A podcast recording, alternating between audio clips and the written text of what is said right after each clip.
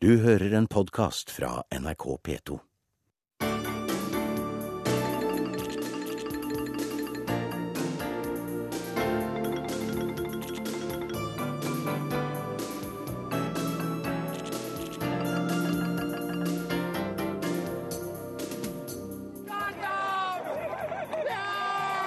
USA, USA, USA, ropes det idet spesialstyrkene passerer.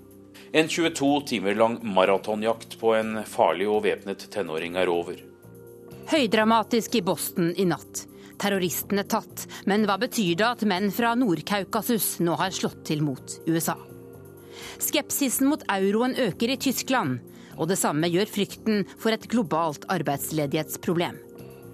Også i Saudi-Arabia kjemper folk om jobbene.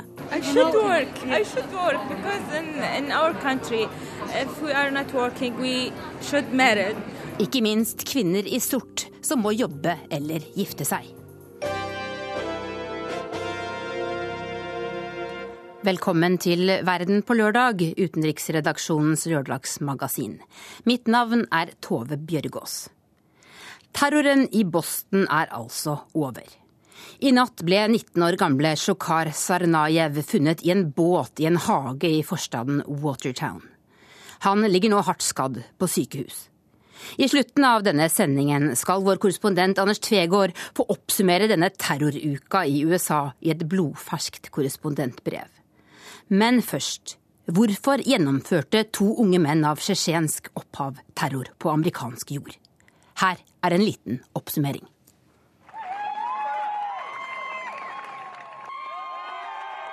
Uh, we exchanged gunfire with the suspect who. Uh, and ultimately, the hostage rescue team of the FBI made an entry into the boat and uh, removed the suspect who was still alive. Why did young men who grew up and studied here as part of our communities and our country resort to such violence? It was a very, very complicated case, a very challenging uh, case, and there are still some questions remaining to be answered. How did they plan and carry out these attacks? And did they receive any help? In our house, nobody talked about the terrorism, and my son Tamerlan really uh, was got got involved in the religion, um, you know, uh, like um, religious, religious politics uh, five years ago. Ja, her til slutt hørte vi moren til de to brødrene si til CNN at den eldste av dem først ble opptatt av islam for ca. fem år siden. Og Vi hørte også president Obama og politiet i Boston beskrive alle spørsmålene de nå sitter med. Eh, og De to brødrene de var altså etniske tsjetsjenere, men familien deres bodde i Dagestan før de kom til USA i 2003. Og i Dagestan der har du nettopp vært eh, korrespondent Hans-Wilhelm Steinfeld. Eh, hva er forskjellen på de islamistiske fundamentalistene i Tsjetsjenia og i Dagestan? I Tsjetsjenia var det en utpreget separatisme og et ønske om å løsrive Tsjetsjenia fra Russland og etablere en islamsk republikk der. I Dagestan er det et nytt terrornettverk som er blitt Russlands hovedproblem ettersom situasjonen er stabilisert i Tsjetsjenia. Det heter Skogsbrorskapet. De blir veldig provosert av omfattende korrupsjon. Det støter an mot islamsk moral, mener de unge. Og um, derfor er de mer orientert mot å skape et shariat, altså at hele Nord-Kaukasus ikke skal løsrive seg fra Russland, men skal styres etter sharia-lover. Så det er kanskje mer ideologisk i Dagestan enn det var i Tsjetsjenia. Vi vet jo ikke dette ennå, men, men, tror du disse to eh, har fått hjelp eh, fra Dagestan? Eh, nå går jo meldingene på at den eldste av disse var i hjemlandet Dagestan i fjor. Og eh, russerne har jo lenge ment at Al Qaida opererte der. Det minner nemlig dårlig om operasjonsmønsteret til skogsbrorskapet i Dagestan. At de skulle slå til utenfor Russland. Eh, og eh, det kan tyde på at eh, dersom denne eldstebroren har fått et oppdrag så kan det være av det russerne mener er eh, agenter for Al Qaida som verver inn i Dagestan. Og da, I så fall er det første gang eh, slike grupper slår til utenfor Nord-Kaukasus? Ja, eh, rene terrorhandlinger fra nordkaukasiere, som jo er eh, muslimer, de fleste av dem, det har jeg i hvert fall ikke kunnet registrere på 25 år. Den eldste av disse to brødrene, som altså eh, var 26 år gammel og som nå er død, han sier han fant seg ikke til rette i USA, hadde ingen amerikanske venner. Kan han ha følt det som en krenkelse, tror du? Det tror jeg, og vi har jo sett f.eks. også på asylsøkere i Norge, i Østfold fra Tsjetsjenia, at de kan bli veldig aggressive når de møter et fremmed samfunn. Og krenkelsen, det har og hukommelse om krenkelse, det har alltid vært arkitekturen i både blodhevnstradisjonene i Nord-Kaukasus, og veldig ofte også et medvirkende motiv. Hukommelsen om at man er krenket, blir ofte triggeren, utløseren til terrorhandlinger. Det er veldig typisk i Dagestan, hvor skogsbrorskapet hevner seg på f.eks. politifolk, statsadvokater og skatteinspektører. Eh, som som helt åpenbart er korrupte og provoserer dem. Så det kan godt ha vært medvirkende for, som et motiv til den fremmedgjøring som trolig ligger bak denne terrorhandlingen fra de to brødrene. Du har altså nettopp vært i, i Dagestan og snakket med bl.a. presidenten der om rekrutteringen av islamister. Eh, vi skal si takk deg, til deg i intervjuformat, eh, Hans Wilhelm Steinfeld, men vi skal nå få høre reportasjen som du har laget fra Dagestan, der presidenten altså hevder at lokale makthavere står i ledtog med terroristbevegelsen Skogsbrorskapet, og at landet nå er litt av et rekrutteringssted for militante islamister. Allah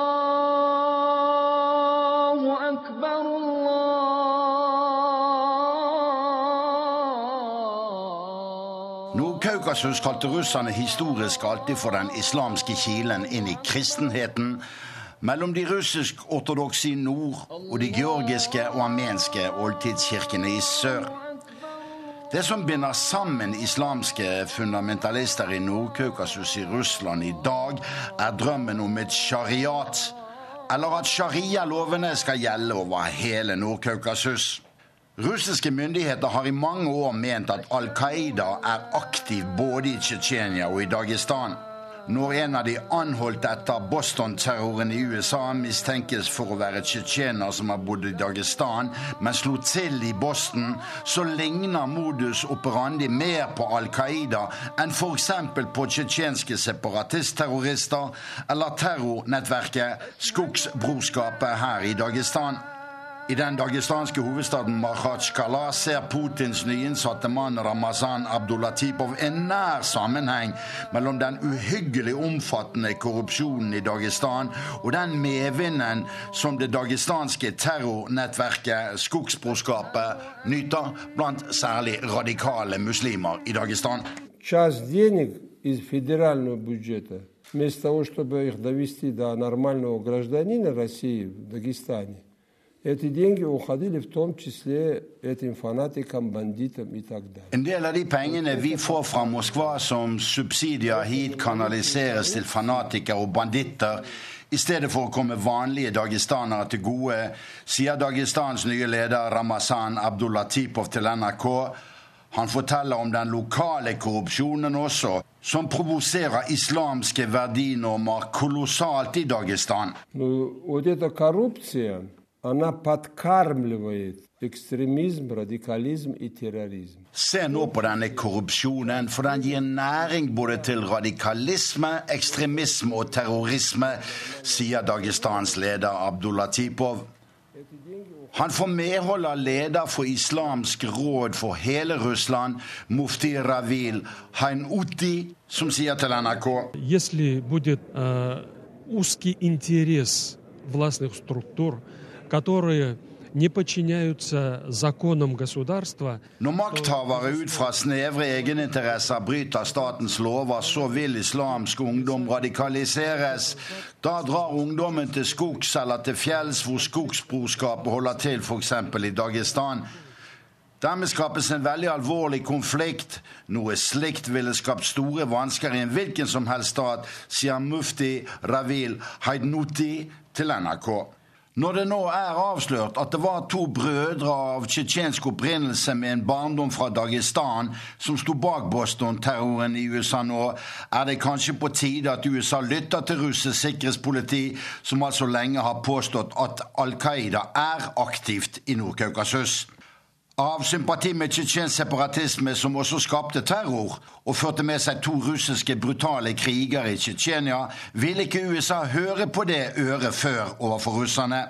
I april 2001 sa FSB-general Aleksandr Zdanovskij til NRK i Moskva at russisk etterretning hadde sikre beviser for at all terror i Kaukasus, delvis på Balkan og rundt Israel, ble samordnet fra et koordineringssenter i Afghanistan. Den gang ville heller ikke USA høre på russerne før 11.9.2001, da Al Qaida slo til mot New York og Pentagon. Da ble trekantsamarbeid mellom Russland, Israel og USA innledet i kampen mot terrorisme. Det kan være at erfaringen med ny terror i Boston vil gjøre dette samarbeidet mer aktuelt på nytt for USA når det gjelder Russland. Når det altså viser seg at folk med bakgrunn fra Nord-Kaukasus ble terrorister og slo til i USA.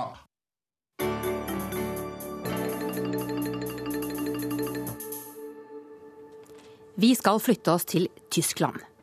Tyskerne får mye kjeft fra Sør-Europa, og nå blir stadig flere tyskere også kritiske til eurosamarbeidet.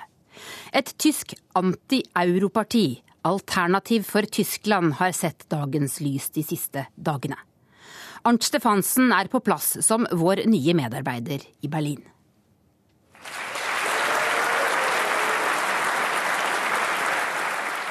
Applausen satt løst da Tyskland fikk et nytt politisk parti forrige helg. Alternativet für Deutschland. På stiftelsesmøtet her i Berlin valgte partiet den 50 år gamle Bernt Lucke som leder. En økonom som har meldt seg ut av det regjerende kristelig-demokratiske partiet etter 30 års medlemskap.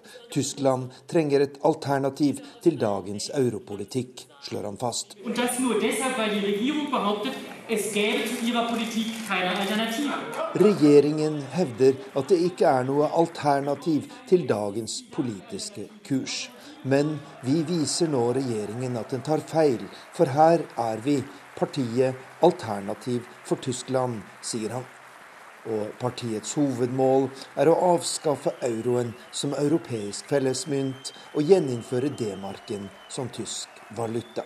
Men det skal skje på en ryddig måte, sier partitalsmann Konrad Adam. Wir wollen denjenigen Staaten, die nicht mithalten können oder wollen, die Freiheit geben, den eigenen Weg zu gehen. I første omgang må de landene som ikke har økonomisk styrke til å innfri EUs krav, tre ut av eurosamarbeidet. Det er ingen mening i at tyske skattebetalere skal fortsette å subsidiere land som i årevis har levd over evne, og som ennå ikke er i stand til å begynne å tilbakebetale sin gjeld. Deretter ønsker vi å starte en prosess med å avvikle europrosjektet, som vi mener var en dårlig idé fra starten av, sier talsmannen for partiet Alternativ for Tyskland.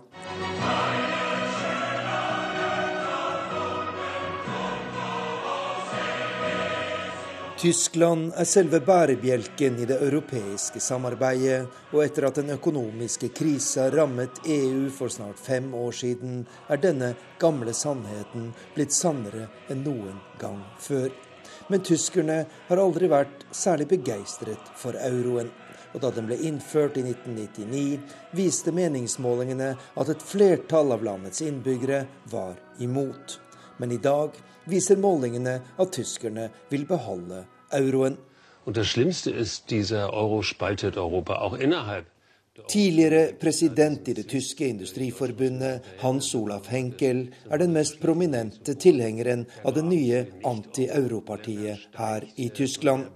Han har tatt til orde for å splitte euroen i en sterk nordeuropeisk valuta, en såkalt nordo, og en mye svakere surdo, som kan brukes i de sørlige EU-landene.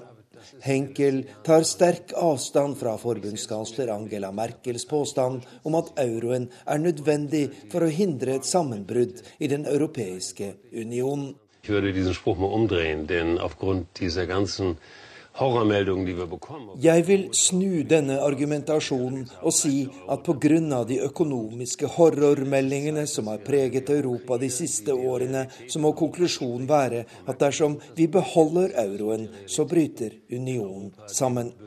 Det er på tide å skape en valuta som avspeiler virkeligheten i Europa. Angela Merkel prøver det motsatte å tilpasse virkeligheten til en valuta som ikke fungerer. Og stadig flere fornuftige mennesker, både her i Tyskland og i det sørlige Europa, ser at vi er på feil vei, sier Hans Olaf Henkel.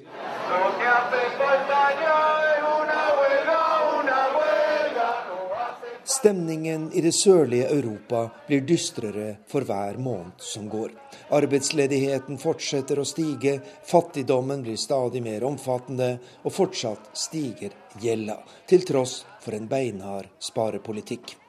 Dette er det europeiske bakteppet for den nye partidannelsen her i Tyskland. Men tyskerne har til nå sluppet billig unna krisa, og mange tviler på at partiet vil få noen større oppslutning. Hans Olaf Henkel tror det bare er et spørsmål om tid før også tyskerne innser at man er på feil kurs i europolitikken. Det er som om Sie aus einem Hochhaus fallen, nicht? 20 äh, Stockwerke, und Sie sind im 15. Stock und Sie fühlen sich immer noch. Det er som en som hopper ut fra 20. etasje i en bygning.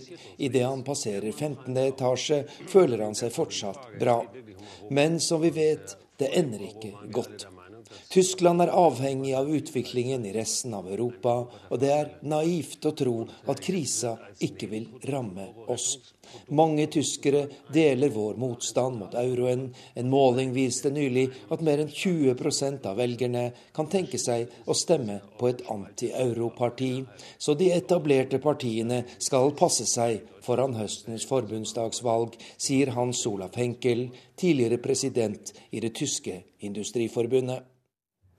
Vi har fått besøk her i studio av deg, eh, direktør ved Norsk utenrikspolitisk institutt, Ulf Sverdrup. Velkommen hit. Det. Eh, det høres ikke så bra ut, dette her. Hvordan mener du tyskerne nå føler sin egen økonomiske situasjon på kroppen? Så Tysk økonomi i forhold til de andre europeiske land går jo godt. Det har vært litt usikkerhet i det siste med noe svakere tall, og så er det litt mer optimisme igjen nå klart Tysk økonomi preges òg av at etterspørselen etter tyske varer svekkes i, av andre, den krisa som rammer andre land. Og I tillegg så påvirkes de av den globale økonomien. Tysk økonomi er veldig ekspert, eksportorientert. Så tysk økonomi også sliter litt, men sliter mindre enn de andre. Eh, så det er liksom de fakta på en måte der ute. Men så er opplevelsen av tysk økonomi, som kanskje er like viktig, og spesielt foran valget. Eh, Der Spiegel, som er et viktig tysk nyhetsmagasin, hadde et stort oppslag i siste nummer om fattigdomsløgnen. Som handla om at uh, tyskerne er egentlig ikke så rike, og de søreuropeiske land som får hjelp av tyskere, de er egentlig rikere. Og klart, det påvirker betalingsvilligheten til tyskere til å overføre midler til de søreuropeiske land. De føler at de må betale for, for gildet? Ja, De føler at de må betale for gilde, og det er helt riktig. Det gjør de i stor grad. Men spørsmålet er, det som er neste spørsmål nå, er jo er det sånn at de betaler til noen som egentlig har ganske mye penger, mens de selv har lite. Blir de lurt, altså, rett og slett? Ja, det er det som var oppslaget i, i Der Spiegel. Eh, og si, Det er viktig for å eh, fyre opp under en viss skepsis og kritikk mot omfordeling. Men jeg tror jeg hovedmønsteret her er jo at eh, Tyskland har gjort, drevet med ti år 15 år med innstrammingspolitikk eh, for å øke sin konkurransekraft, og fått store resultater ut av det, og hatt moderat lønnsutvikling. Slik at de står ganske rusta i forhold til å møte den globale konkurransen. Merkel og andre tyskere mener at de søreuropeiske ikke har gjort det samme, og tida er nå moden for at de må ta innstrammingene. Samtidig så er det sånn at disse innstrammingene i Sør-Europa er så stram at de holder på å ta livet, medisinen holder på å ta livet av pasienten. Litt kort, hva, hva, kan Merkel gjøre for å hindre at denne skepsisen til euroen sprer seg? Jeg kan, si, for, ja, jeg kan bare si én ting før du tar det med Merkel. Altså, Hovedopplegget i Tyskland er jo fortsatt at de store tyske partiene står last og brast ved euro. og Det er ikke noe stor eh, skepsis. Det, dette alternativ for Deutschland, det nye partiet, er jo veldig lite, og, og i og for seg ikke så, så stort. Hva Merkel kan gjøre? Andre presser jo for at hun skal bidra til økt vekst i Europa. Hun selv står last og brast på at tida ikke er inne nå for å gi slipp på den politikken. Må egentlig ja, fortsette litt som hun stevner. Eh, vi skal bevege oss eh, litt ut i verden i forhold til dette. For veien ut av de globale finansproblemene er fortsatt vanskelig. Eh, denne uka har det vært vårmøter i Verdensbanken og IMF. Eh, og både eh, de to institusjonene, G20-landene, også øker sin bekymring over den stadige mangelen på økonomisk vekst. I øyeblikket går verdensøkonomien i tre hastigheter, og det er ikke bra, sier sjefen for pengefondet Christine Lagarde.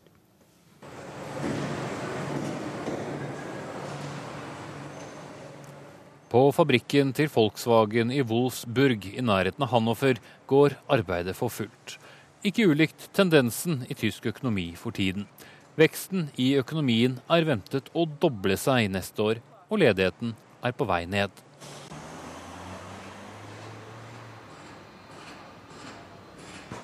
Men, og det er et stort men.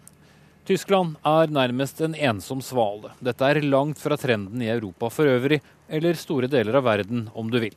Og nettopp det har ført til bekymringsrynker og grå hår hos mange toneangivende leder og økonomer denne uken. Det har vært mange og viktige møter. Finansministeren i G20-landene, altså de 19 landene med sterkest økonomi i verden, og EU. Det har vært møter i Verdensbanken og Det internasjonale pengefondet, IMF. Ikke minst hos sistnevnte har europeisk og global økonomi vakt bekymring hos dets leder, Christine Lagarde. We need growth first and foremost, but we also need direct policies to spur job creation. Jobb er, for å si det slik, jobb nummer én nå. Mange europeiske land bruker mye tid på å trimme og kutte i statsbudsjettene sine, mens Lagarde etterlyser politikk som får flere i jobb. Den stadig økende ledigheten, ikke minst blant unge europeere, er en nedadgående spiral som bare gjør vondt verre.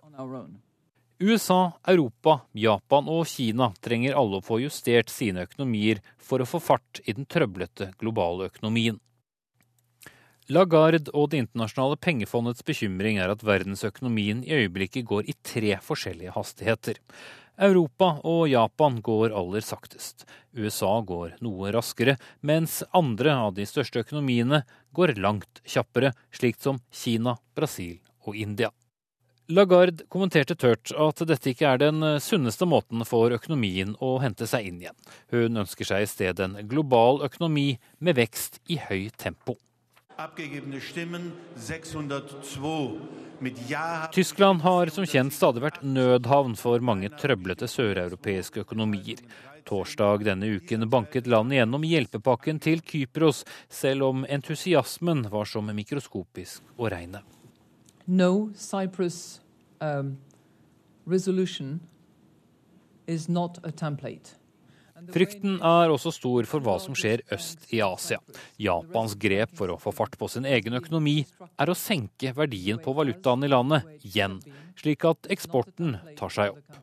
Frykten er stor i vestlige land for at også Kina skal gjøre tilsvarende grep, og dermed raskt dominere verdenshandelen i enda større grad. Innad i G20-gruppen trekkes det nå paralleller helt tilbake til 30-tallet og den store depresjonen. Den ble bare verre fordi landene begynte å konkurrere seg imellom på handel, og endte opp med å dra seg selv nedover. Ulf Sverdrup, det er altså den høye ledigheten eh, som er det, det, største problemet i, i mange viktige land i, i verdensøkonomien nå. Hvordan eh, kan man løse dette problemet på et slags globalt nivå? Det er ikke godt å si, men det må jo komme gjennom eh, vekst. Altså det, det som har skjedd for ett år siden i global internasjonal økonomi, så var jo at man var i en finanskrise. Og mange land eh, pressa frem eh, tiltak som gjorde at man trykker mer penger og, og garanterer for, for, finansinstitusjoner. Det har ført til at det har blitt mye mer penger tilgjengelig ut i markedet. Disse pengene har da Eh, avletta den umiddelbare finanskrisa. Men samtidig så har det ført til ny oppgang i aksjemarkedet og i råvarepriser og sånne ting. Mens det grunnleggende aspekt, realøkonomien, det har ikke fått den samme type utvikling. og Derfor så er man engstelig nå for en ny på en måte ubalanse mellom den finansøkonomien og realøkonomien.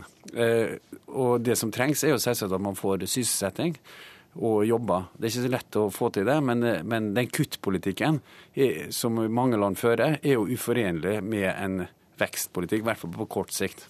Så hvert enkelt land må egentlig løse dette på, for seg selv? sagt. Er det slik man skaper arbeidsplasser? Ja, men samtidig som det kommer frem, er jo at internasjonal økonomi er jo veldig sammenvevd. slik at det, hva det ene landet gjør, påvirker jo i det andre landet. Så, så Derfor så er jo den koordinerte innsatsen veldig viktig. Hvor, hvor, god tid vil du si at, at f.eks. europeiske land har på seg nå for å få snudd denne trenden? I Europa så vil jeg si det er temmelig akutt, eh, fordi særlig det sørlige deler av Europa er jo sysselsetting. Man er på kanten på en måte til hvor lenge er før disse økonomiene i sør er i ferd med å kollapse. Når du har så høye arbeidsløshetsnivå, så får du òg mange uheldige virkninger. Men det her er ikke bare i Europa. I Afrika f.eks., som, som er i en del sørafrikanske land som, uh, som går godt, så har jo en demografisk bølge med mange ungdommer som er ledige. Stor usikkerhet. Tusen takk skal du ha, og takk for at du kunne komme hit.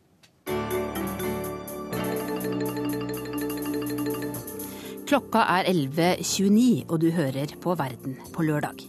I resten av sendingen kan du bli med til Saudi-Arabia, Irak og Russland. Før vi skal oppsummere den dramatiske uka i USA.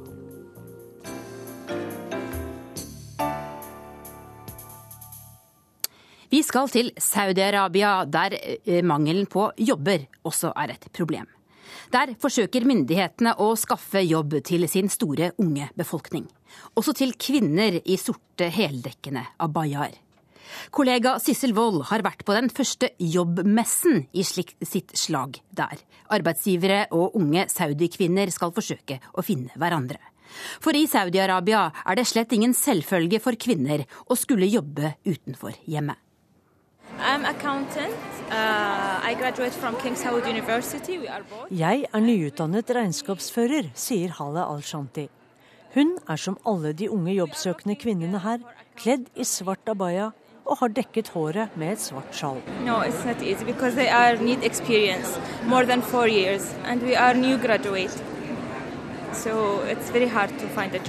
Men det er ikke lett å få jobb uten praksis, sukker hun. And why do you want to work? To improve myself. the first, and um, I should work. I should work because in in our country, if we are not working, we should married, and we are not married. we should work. it's, it's, it's better. Jeg vil jobbe, for ellers må jeg gifte meg, ler Hale. Om det er lettere å finne en jobb enn å finne en mann? It's easier to get a job than to get a man. Yes. It's more easy. Jobbmessen på Al-Kosama konferansesenter midt i Riyadh arrangeres av Glowwork, stiftet av entreprenører som vil få kvinner ut i arbeidslivet. Få kvinner har så mange restriksjoner som de saudiarabiske. Ikke får de kjøre bil, ikke får de bevege seg langt utenfor huset uten sin mannlige beskytter, ikke får de reise ut av landet uten tillatelse fra en far eller en ektefelle. Stort sett må de være adskilt fra menn de ikke er i familie med, enten de studerer eller jobber. Og studerer, ja det gjør kvinnene i dette strengt religiøse kongedømmet. Men mer enn 60% av kvinnene som har doktorgrad, er uten jobb. Arbeidsledigheten blant kvinner i det søkkrike oljelandet er på rundt 27 Uh, Og det er dette Khaled Al-Kondair vil gjøre noe med. Han grunnla Glowwork, og nå vandrer han strålende fornøyd rundt i sin kritthvite distasja blant alle de svartkledde, tilslørte kvinnene. Um, so we've brought over 40 organizations here from across the kingdom. Half of them have never hired women before. And today we're very proud that they are opening women departments uh, Halvparten av de 40 bedriftene som er representert her, har aldri ansatt kvinner før, så vi skriver historie, sier han. Arbeidsgivere som driver med IT, regnskap, bankvirksomhet og annet, har stands her. Og foran hver bod står grupper av svartkledde skikkelser. For interessen, den er enorm. Rundt 15 000 kvinner har vært innom messen i de tre dagene den har vart 15 000. Alle er de nyutdannet eller snart ferdig ved et av universitetene i Saudi-Arabia. Overraskende finner vi også en europeisk mann blant alle saudikvinnene. Martin Bagnell står i boden til Deutsche Bank. Correct. I'm a man at a female job fair. I think a sign that a Bare det at jeg er her, viser at ting endrer seg i kongedømmet, sier Bagnell. Deutsche Bank har ingenting imot å legge forholdene til rette for kvinnelige ansatte, som jo innebærer å sette opp skillevegger mellom menn og kvinner på arbeidsplassen. Bagnell er meget imponert over den høye standarden på kvinnenes kvalifikasjoner. Uh, yes, we, we are, are Mens saudiarabiske menn er beryktet for å være arbeidssky og late, er kvinnene sultne på å få jobbe. Are you more happy to employ Saudi women than Saudi men? if there are two best people, one is male, one is female, I prefer to take the female. Deutsche Banks personalsjef for Midtøsten og Afrika. We need a woman's touch in, in every hotel because she have she has different perspective, she has different view. And also she's very representable and she Vi trenger kvinnens touch i hotellet vårt. Dessuten er hun mer representativ i møte med gjestene, forklarer Dima Othaimen til NRK. Hun var den første saudikvinnen som tok seg jobb i resepsjonen på Hotell Faisalia. Nå rekrutterer hun medsøstre, også til lederstillinger i hotellet. Og ja, noen deler av Hotell Faisalia må bygges om for å legge til rette. And yes, uh, some departments are separated and some are not. It depends on the background and how women will accept that. Men det kommer an på kvinnene, om de aksepterer å jobbe side om side med menn eller ikke, sier Dema Ataimen fra Faisalia-hotellet. Saudi-Arabia har en stor, ung befolkning som må ut i jobb for å få økonomien til å gå rundt. For hele 50% av befolkningen er under 25 år. Så Arbeidsdepartementet har satt i gang flere kampanjer for å få flere saudiere til å ta seg jobber. Lenge har Khaled al-Kondair drømt om å koble bedrifter og kvinnelige arbeidssøkere.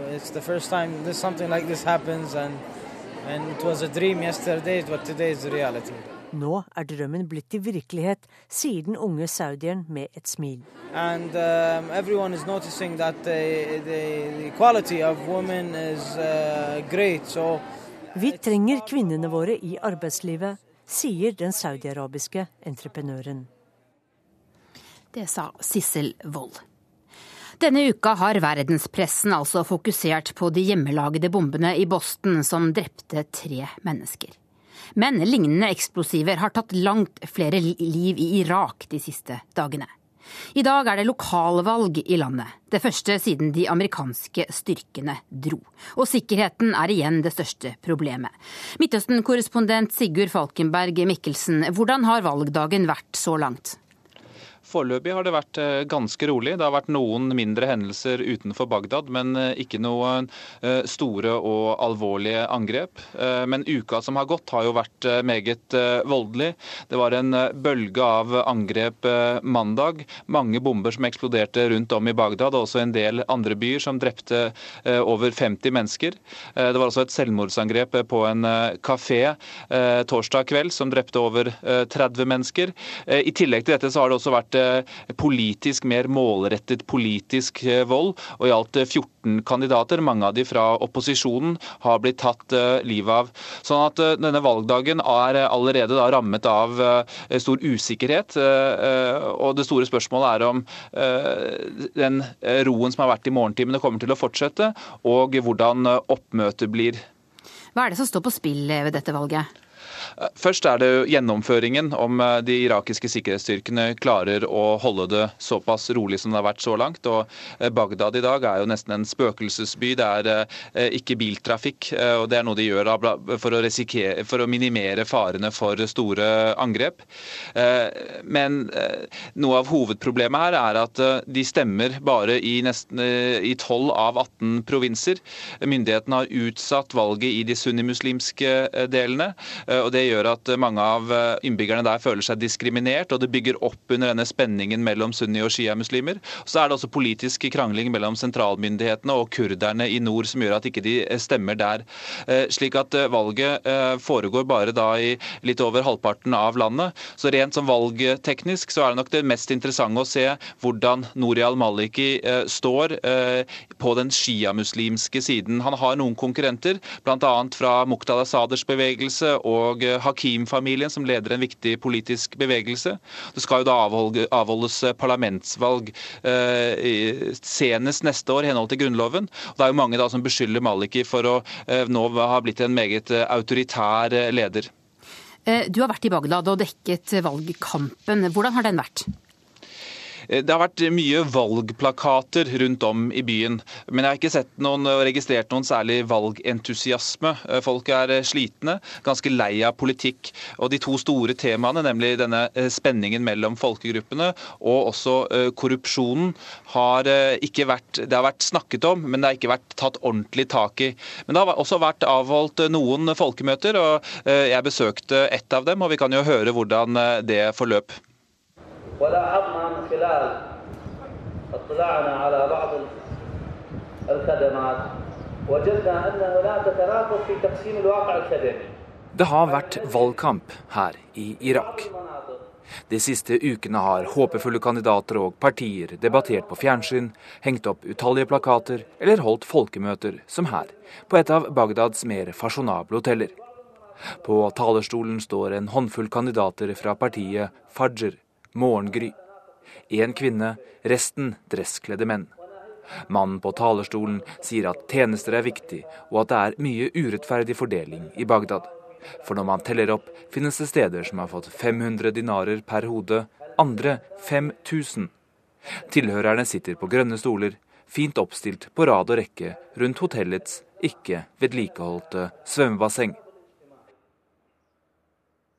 Etter møtet treffer jeg nummer to på partiets liste, Haidar As-Sadi. الحقيقة الشعب العراقي بعد سقوط النظام السابق عانى معاناة من من عدة نواحي أهمها الإهمال Det viktigste ved dette valget er at det irakiske folket har lidd etter okkupasjon, og at folket har lidd fordi det har vært mye dårlige tjenester. Det har gått særlig utover enker og foreldreløse barn. Det er mye korrupsjon, og en kandidat må være ærbar. En slik en som gjør at folk kan stemme på oss når de religiøse lederne sier det skal stemmes på ærlige kandidater, forklarer han. En av dem som har kommet til folkemøtet, er Ali Abed. والله هي البرامج كل الاحزاب والكل الكتل تقريبا متقاربه يعني كلها تتحدث عن الخدمات عن التعليم عن التربيه عن For å være ærlig, alle programmene ligner på hverandre. Alle snakker om utdanning, tjenester, arbeid og arbeidsløse, enker og foreldreløse. Så vi må finne en person vi stoler på, sier han, og forklarer videre at han har kommet for å høre på hva disse politikerne har å si, før han innrømmer at han nok kommer til å stemme på Fajr fordi en slektning står på valglisten. Og det er en mann som nettopp går an å stole på. Så langt et ganske vanlig politisk folkemøte foran et valg der det skal velges guvernør til Iraks provinser. En ikke uvesentlig posisjon i det irakiske systemet. Men dette er Irak, og problemene er ikke langt unna. Sikkerhetsspørsmålet har igjen blitt dominerende. Siden desember har spenningen i landet økt. Det har vært flere bombeangrep, antagelig fra ytterliggående islamistiske grupper med Al Qaida i Irak i spissen. Mandag eksploderte en bølge av bomber ved flyplassen i Bagdad, rundt om i sjiamuslimske bydeler og i flere andre byer i landet. Men det har også vært fredelige demonstrasjoner mot styret til Nouri al-Maliki i noen sunnimuslimske provinser og i Bagdad. Valget i flere av disse provinsene er utsatt, og når jeg spør partiets andre kandidat om dette, heiser han tydeligere flagg. هذا هذا سؤال سياسي تم تأجيل الانتخابات في الأنبار وفي الموصل لتاريخ تقريبا نصف الشهر Dette er et politisk spørsmål. Valget er utsatt i Anbar og Mosul til midten av mai. Alle politiske partier er enige pga. demonstrasjonene der, og fordi Al Qaida-folkene står på prekestolene. Vi er redde for at Al Qaida kan kontrollere noen av våre vakre provinser, sier han. Men det er langt fra noen politisk enighet om dette.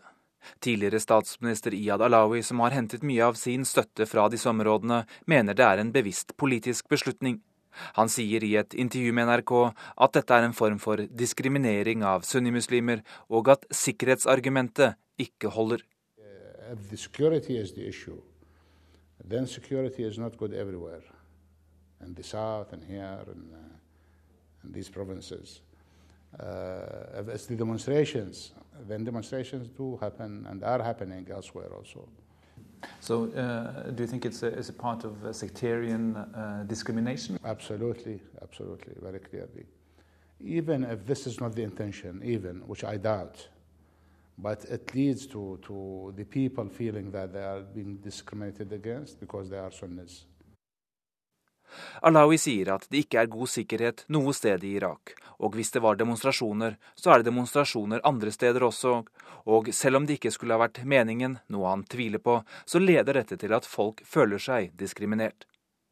Han forteller også at hans liste utsettes for trusler, og at flere av kandidatene og valgmedarbeiderne er drept. Provinsvalget er en test foran de nasjonale valgene som er planlagt neste år, og det er det første som avholdes uten amerikansk tilstedeværelse.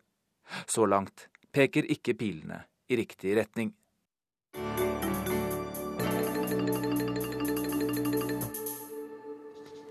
Russland er inne i en skjebnetid. Opposisjonen er riktignok liten og splittet, men den bekymrer president Vladimir Putin. Fengsling av opposisjonelle, høye bøter for demonstrasjoner og iscenesatte rettssaker viser at han ikke tar lett på motstanden han nå møter i sin tredje presidentperiode. Прогнозы, что мы, конечно, выиграем, победим и прогоним всех жуликов и воров от власти. Паспорт взял. Vi skal vinne denne rettssaken, og vi skal fjerne alle tyver og svindlere fra makta. Det sa Aleksej Navalnyj på vei til rettssalen i Kirov nordøst for Moskva denne uka. Han er bare 36 år gammel, men han var den som ledet an demonstrasjonene mot det sittende regimet før presidentvalget i Russland i fjor.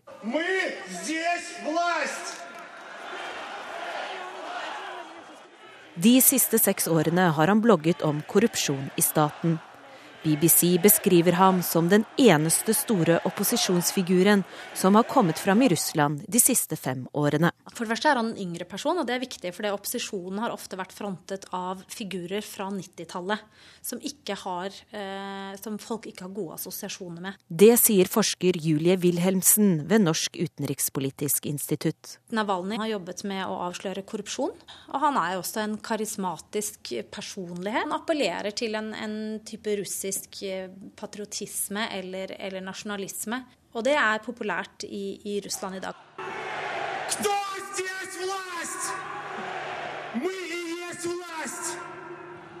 The Wall Street Journal mener han er mannen som sittende president Vladimir Putin frykter aller mest.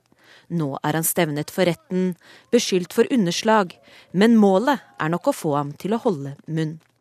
Det begynner å bli en trend, dette at man iscenesetter eh, rettssaker uten et reelt eh, innhold. Og etter det jeg har lest om denne saken, så er det også veldig mye som tyder på at dette ikke er en reell rettssak, men hvor man bruker rettssakene til å, å kvitte seg eh, med potensielle fiender av regimet. Opposisjonen som ses i Russland i dag, vokste frem under Duma-valget i 2011. Man avslørte valgfusk på en annen måte enn det man har gjort før. Det valgfusket har egentlig vært der ganske lenge, men i Duma-valget i 2011 så ble det eksponert eh, ganske kraftig, og der var jo sosiale medier f.eks. veldig viktig. Og så skjedde det noe viktig bare noen måneder før det valget, nemlig at Putin og Medvedev sto frem og sa at nå skulle de bytte plass. Nå skulle Putin bli president igjen, og Medvedev skulle bli statsminister. I hvert fall så fremsto det sånn eh, for det russiske publikum at de som sitter eh, på toppen nå er så suverene i sin makt at de bare kan bestemme seg for å bytte plass, og at disse valgene da egentlig ikke betyr noe. Men den russiske opposisjonen er liten når man ser Russland under ett. Den er heller ikke særlig godt samlet. Det at den likevel finnes, gjør den unik. er et veldig viktig fenomen. Fordi at den eksisterer overhodet, og fordi den tydeligvis har en viss støtte i den russiske middelklassen, og spesielt i byene. Så den er ikke en stor maktfaktor i Russland, men, men allikevel viktig, og kan potensielt sett bli større. Og det er nettopp dette som har fått russiske myndigheter til å stramme grepet. Høye bøter for å demonstrere, iscenesatte rettssaker og fengslinger er bare noen av midlene som skal gjøre det vanskelig for opposisjonen å overleve. I sin tredje presidentperiode står Vladimir Putin nå ovenfor utfordringer han ikke har hatt tidligere. Putin har vært eh, ganske suveren. Hans popularitet har bare steget og steget fra han ble valgt som president for første gang i 2000. Og det er på den bakgrunn man må forstå at en liten opposisjon er skremmende. Rett og slett fordi det har ikke vært noen før. Og så er det helt klart en, en større internasjonal kontekst som Putin skuler til når han handler. Eh, og det handler om de revolusjonene som har vært i Midtøsten den senere tid, hvor regimer som har sittet eh, med makten over lang tid, har blitt veltet av noe som begynte med en liten demonstrasjon og opposisjon, men som så ble en revolusjon. Og da er mye av tankegangen slik at eh, man må ta dette fra starten av, før det rekker å vokse seg stort og, og slå hardt ned på det. Reporter her var Guri Nordstrøm.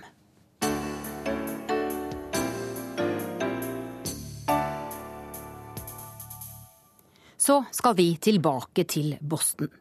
Kollega Anders Tvegård satt på en parkeringsplass og skrev korrespondentbrev i natt, mens en enorm politiaksjon foregikk utenfor bilvinduet. Dette må ha vært en av de verste og vanskeligste ukene i USA. Terrorbomber, giftbrev, eksplosjoner som utsletter nabolag, og erkjennelsen av at skolemassakren i Newtown ikke endret noe i Washington likevel. Heldigvis er uka snart over, men marerittet gir ikke slipp så raskt. Det startet med en festdag i Boston, en fridag i delstaten og en hyllest av et av verdens største maraton. En halv million skuelystne stilte seg opp i god tid for å heie fram slitne løpere fra start til slutt. Løpere fra flere land som har trent i årevis på å klare de vanskelige kvalifiseringskravene. Løpere som har planlagt kreftene for bakkene de gruer seg til. Løpere som i sin villeste fantasi ikke ville tro at målstreken i historiske Boston skulle være det verste. Det var et maraton som skulle hedre de drepte på Sandy Hook barneskole. Nå er løpet blitt ett av sju maraton de siste 20 åra som er rammet av ondskap. Jeg hadde akkurat satt på et frimerke og holdt fristen for innlevering av den amerikanske selvangivelsen da de første meldingene kom. I løpet av kvelden var jeg på plass i kystbyen Boston, en knapp times flytur herfra. Noen har lagt seg ut med feil by, sa de på hotellet da jeg sjekket inn. En holdning som bare har blitt sterkere etter hvert som det gikk opp for folket at USA igjen er angrepet på egen jord. For første gang siden 2001, og i samme uke som USA markerer det nest største terrorangrepet her, bombingen av en føderal bygning i Oklahoma for 18 år siden. Det skulle være årets beste dag i Boston, hørte jeg ofte.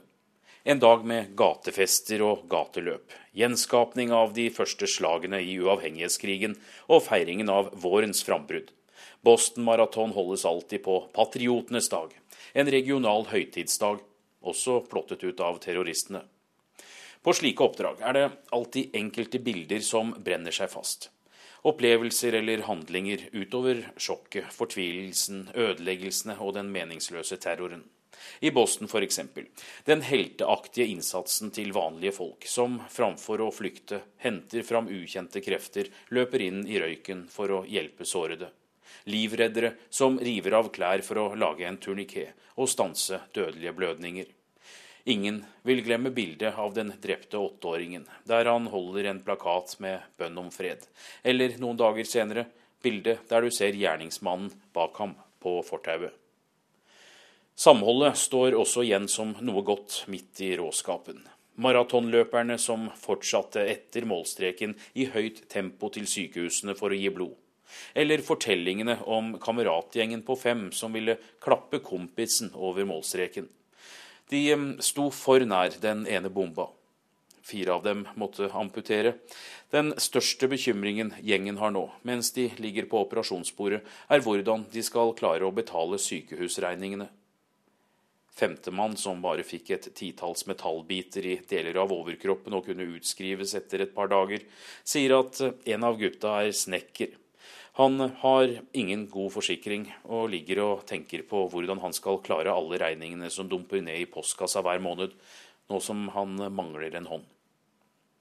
Det er alltid de personlige historiene, ansiktene, som gjør sterkest inntrykk når katastrofene inntreffer. Carol Murray, datteren og barnebarnet, var blant de første som la ned blomster for ofrene. Jeg traff dem ved politisperringene den vårfriske morgenen etter terrorangrepet. Lamslåtte fortsatt, selv om de var uskadd og ikke kjente noen av ofrene. De hadde reist fra måneområdet en halv time før det smalt. Carol sier hun ikke har ord. Hun var i selskap med de fleste. Det var en usedvanlig stillhet i byen, hvor det bor like mange som i Oslo. Det holdt ofte bare å veksle et blikk. Nå forstår jeg hvordan dere hadde det etter 22.07, sier Carol da hun hører jeg er norsk. Hun forteller hun serverte en gruppe nordmenn på en veikro i hjemstaten sin Idaho dagen etter terrorangrepene i Norge. De var så triste og nedstemte. Nå forstår jeg hvorfor, gjentar hun. Kikker ned, tar barnebarnet i hånda og rusler ut i parken. Tragedien rammet også Texas denne uka. Først med dagslyset var det mulig å se omfanget. Den enorme eksplosjonen på en kunstgjødselfabrikk idet sola gikk ned, kunne merkes i flere mil. Ord som atombombe og krigsmark ble brukt av myndighetspersoner. Så kom bilder av vridd metall, hus uten vegger og nabolag jevnet med jorda. Det var vanskelig å sortere alt. Tall som 60 til 70 savnede, og igjen flere spørsmål enn svar. Så meldte frykten fra 11.9 seg igjen denne uka i Washington. Et par av Kongressens store kontorbygg ble evakuert noen timer fordi det var oppdaget mistenkelige pakker. En mann hadde også kommet seg inn på Capitol Hill med forseglede konvolutter i en ryggsekk. Protokoller ble fulgt, rutiner innført etter 2001 som følge av miltbrannbakteriene som ble sendt til de folkevalgte. Likevel var nervene i høyspenn. Rett før hadde to brev, adressert til presidenten og en republikansk senator, testet positivt på giftstoffer i sin. Kort fortalt ødelagte organer og indre blødninger om du skulle få det i deg. En mann som lever av å imitere Elvis, ble raskt pågrepet, mistenkt for å ha postet trusselbrevene med angivelig gift. I skrivende stund tas det utvidede prøver av konvoluttene for å fastslå om de inneholdt resin, som det første resultatet viser. Et svar fikk man derimot denne 16. uka i 2013. Et svar som 90% av amerikanerne ikke har sans for, skal vi tro målinger. Et mindretall i Senatet tenkte trolig mer på sitt eget gjenvalg neste år, og klarte å stanse forslaget om å kreve bakgrunnssjekk av alle som kjøper våpen. Presidenten er opprørt, han har tapt en viktig kampsak. Han er ikke vant til å tape. Obama har dyttet familier fra Newtown foran seg i forsøkene på å stramme til våpenlovgivningen. Han investerte mye tid og krefter og overlot til og med den ukentlige talen til andre enn visepresidenten for første gang i forrige uke.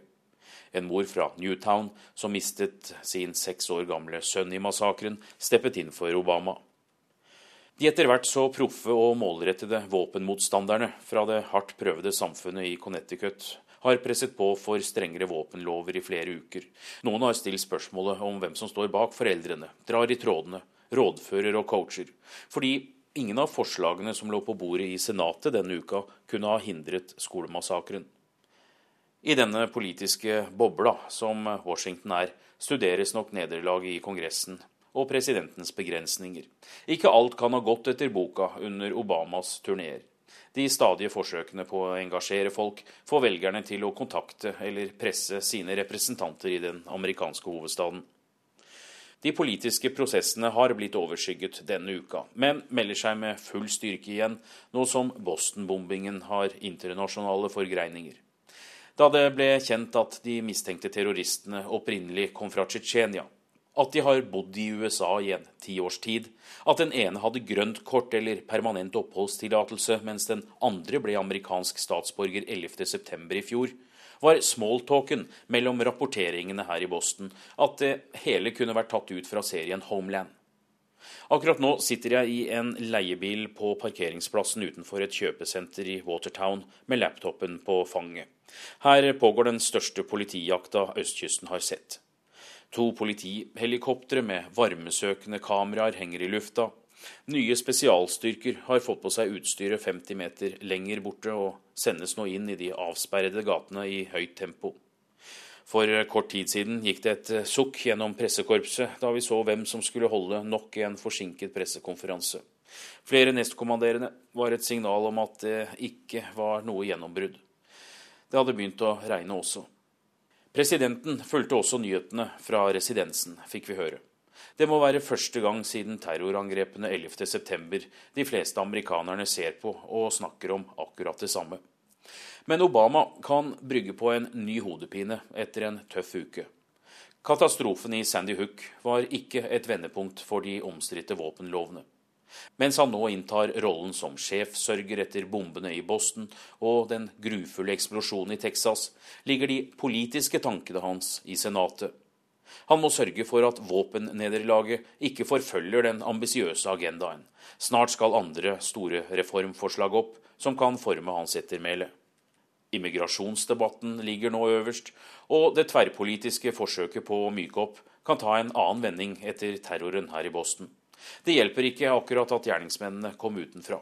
Alle vet at det blir en nasjonal diskusjon etter bombene, men ingen vet spørsmålene ennå.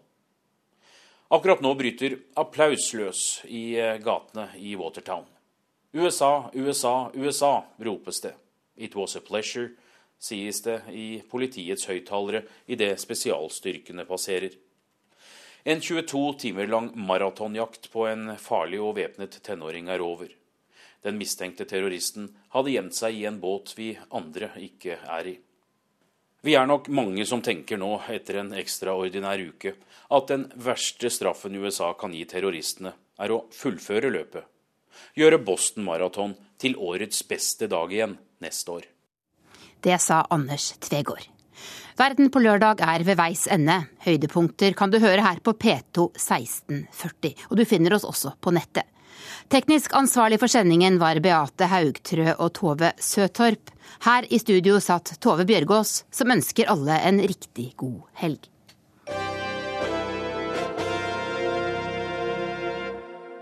Du har hørt en podkast fra NRK P2.